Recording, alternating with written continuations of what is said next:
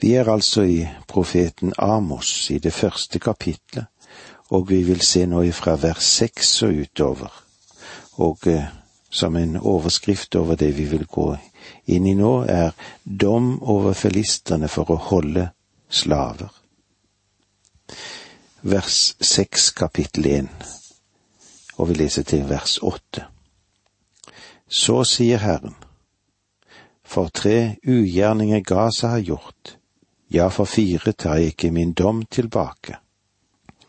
For de bortførte alle de hadde tatt til fange, og ga dem i Edoms vold. Jeg vil sende ild mot muren rundt Gaza. Den skal fortære borgerne i byen. Jeg vil utrydde dem som bor i Ashdod, og ham som bærer kongestav i Askalon jeg vender min hånd mot Ekron, og resten av filistene skal gå til grunne, sier Herren Gud. For tre ugjerninger Gaza har gjort, ja, for fire tar jeg ikke min dom tilbake. Som jeg har sagt tidligere, så er dette et idiomatisk uttrykk, som betyr at her kunne vært nevnt flere typer ugjerninger. Ondskapens beger var fylt.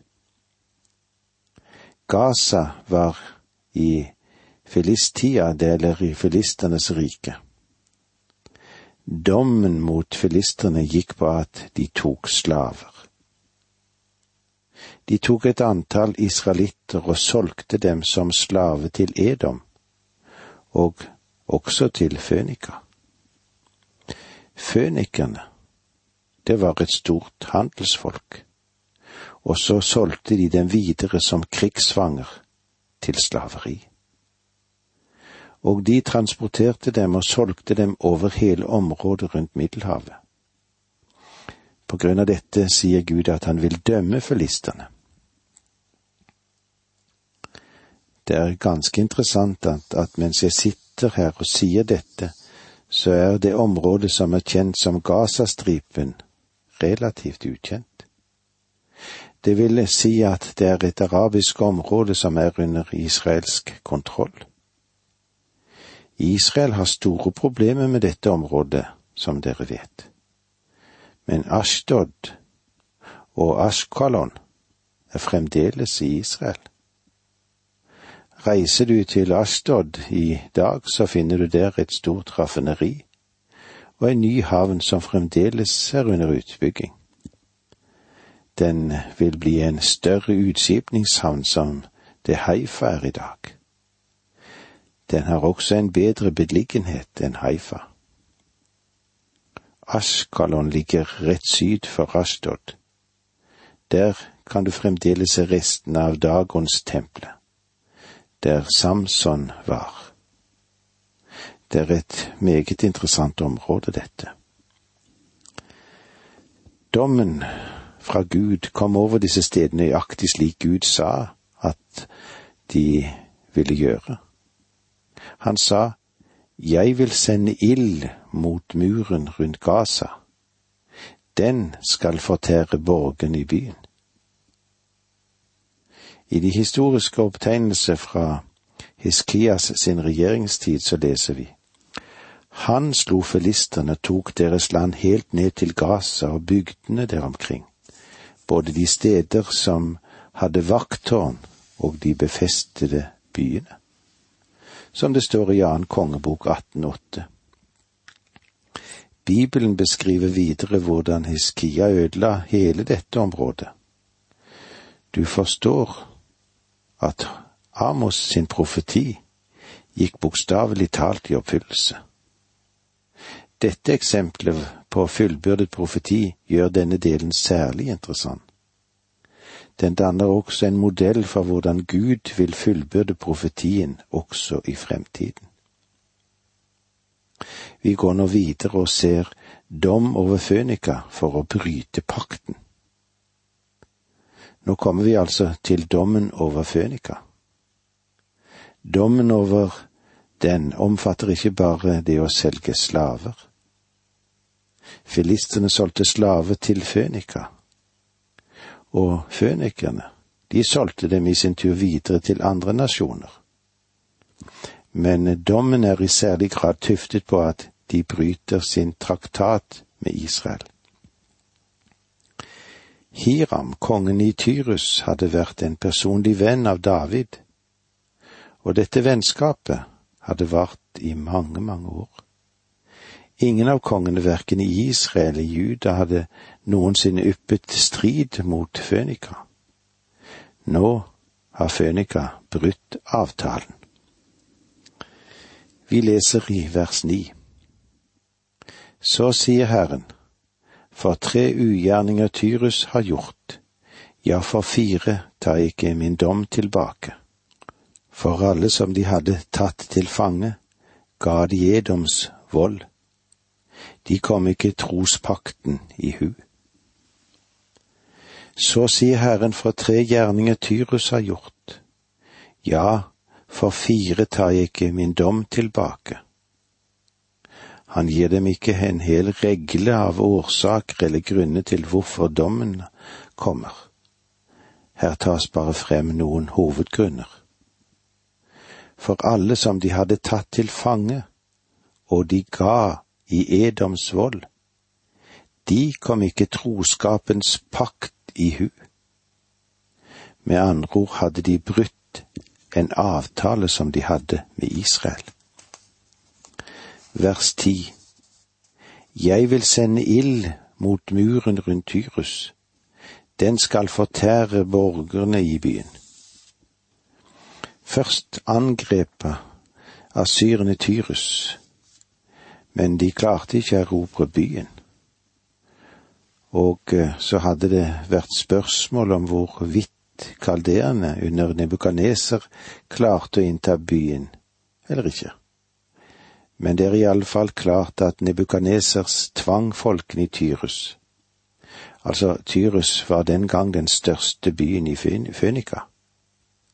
Og eh, så var det å trekke seg tilbake til en øy som var syv til åtte hundre meter ute i havet. Tyrene bygde en by der, og Nebukadneser ødela den gamle byen som var på fastlandet. 250 år senere kom Alexander den store. Han så denne rike og driftige byen der ute på øya, og så bygget han en vei ut dit. Gjennom dette så fullbyrdet han Esekiels profeti der Gud sa at de skulle trasere hele det gamle Tyrus og kaste det i havet. Alexander bygde altså vei ut til øya. Han inntok byen og han ødela den. Og med dette så avsluttet altså Tyrius historie. Amos' profeti angående Tyrus ble bokstavelig talt fullbyrdet. Vi ser nå henimot dom mot Edom for hevngjerrighet. Dommen mot Edom, det skyldes deres hevngjerrighet. Bak en hevnaksjon finner vi vanligvis misunnelse. Edomittene var misunnelige på sine brødre. Du er klar over at Edom kommer fra Esau og Israel fra Jakob. Jakob og Esau, det var tvillingbrødre. Isaks sønner, altså. Vi leser sammen versene elleve og tolv. Så sier Herren, for tre ugjerninger Edom har gjort, ja, for fire tar jeg ikke min dom tilbake for de forfulgte sine brødre med sverd og viste ingen barmhjertighet. De holdt alltid fast på sin vrede og ga aldri opp sin harme. Jeg vil sende ild mot Teman. Den skal fortære borgerne i Bosra. Og eh, med disse ordene sier vi takk for nå. Må Gud være med deg. Dette undervisningsprogrammet består av to deler.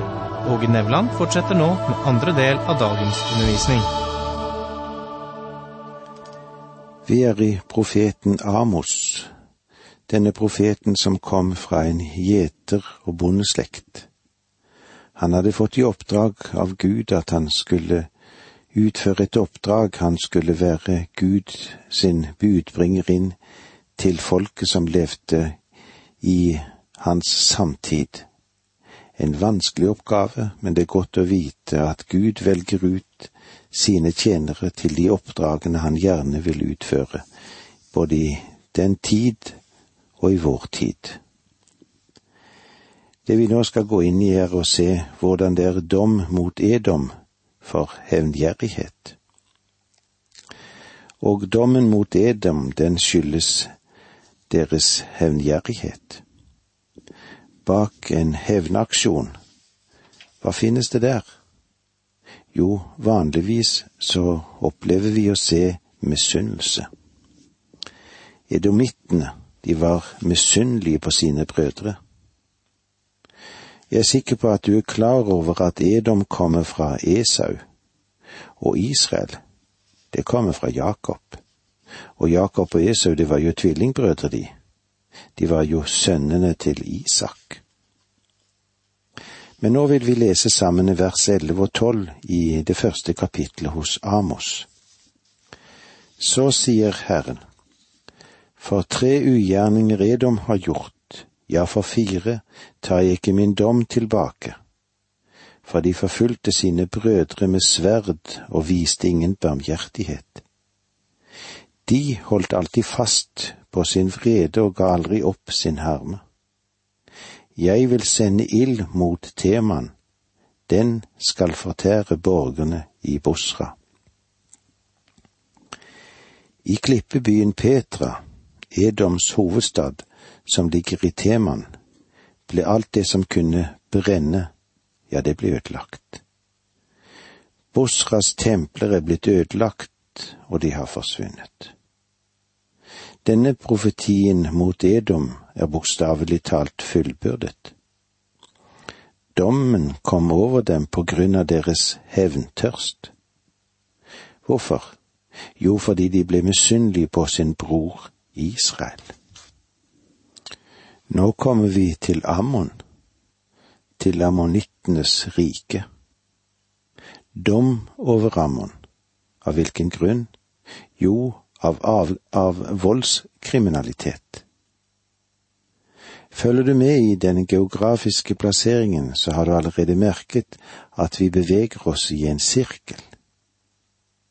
Vi begynte i Syria, dro over til Fønika, så ned til Filistia, og så videre til Edom i syd, og nå til Ammon. Hva var årsaken til at Guds dom kom over Ammon? Jo, det var på grunn av deres råskap og brutalitet. Vi leser i vers 13.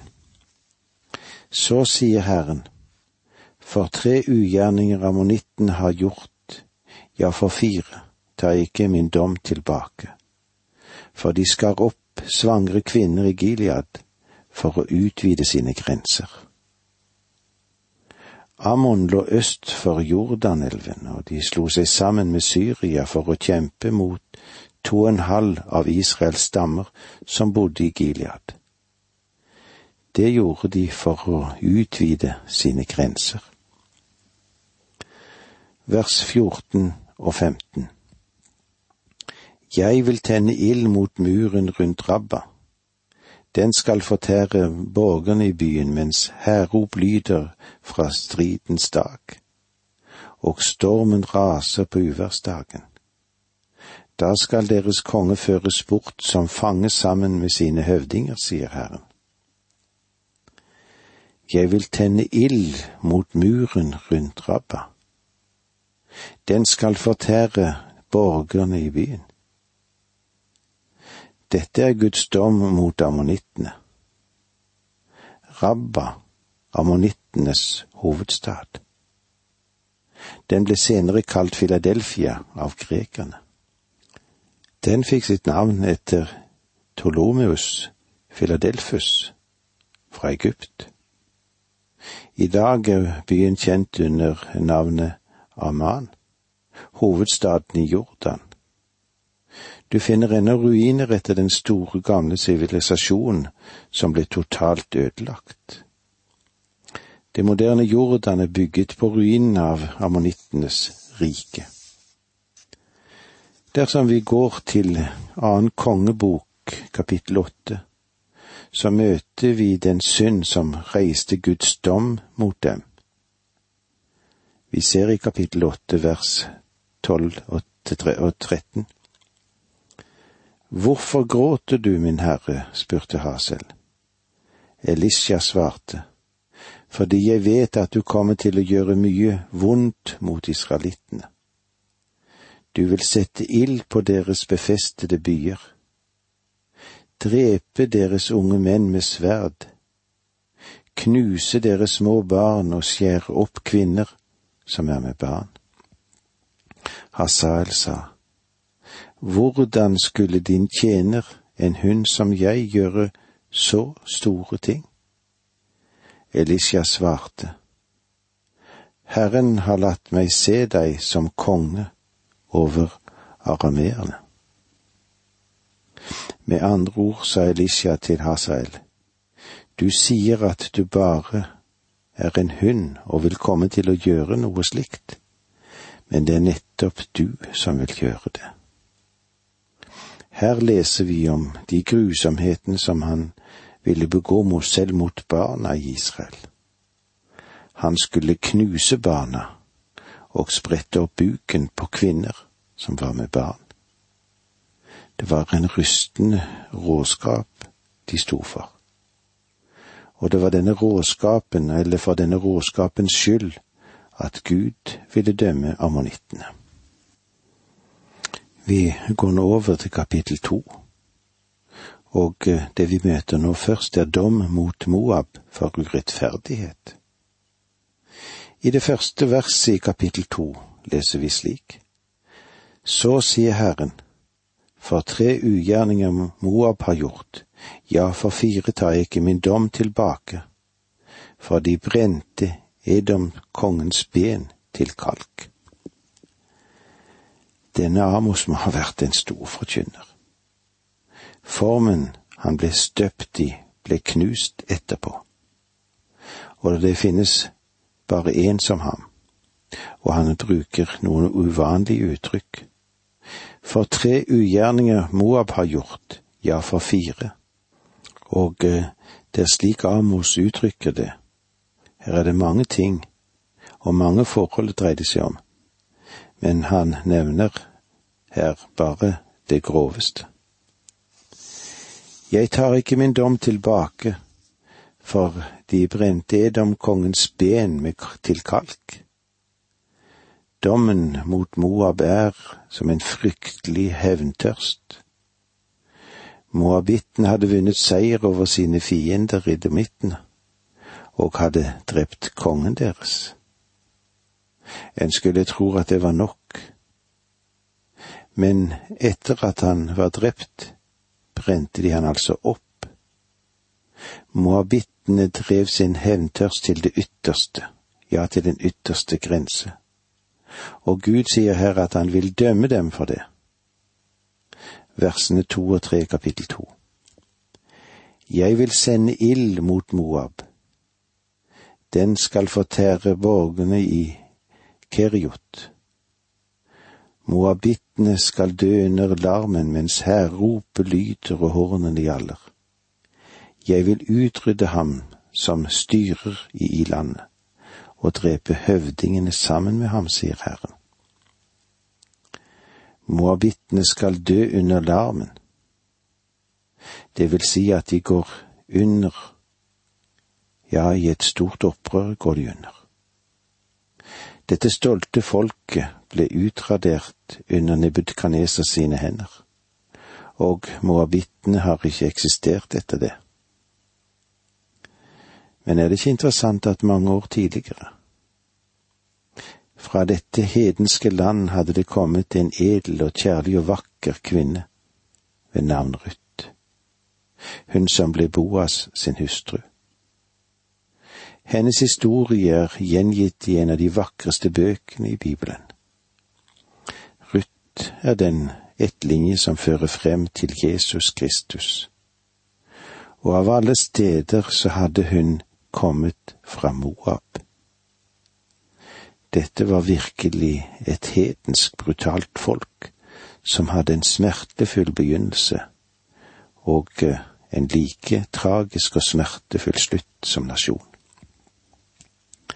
Men Ruth sin historie, den åpenbarer for oss hva Guds nåde kan gjøre i den troendes liv, og mennesker vil la ham få frie hender til å gjøre det. Og med disse ordene sier vi takk for nå, må Gud være med deg.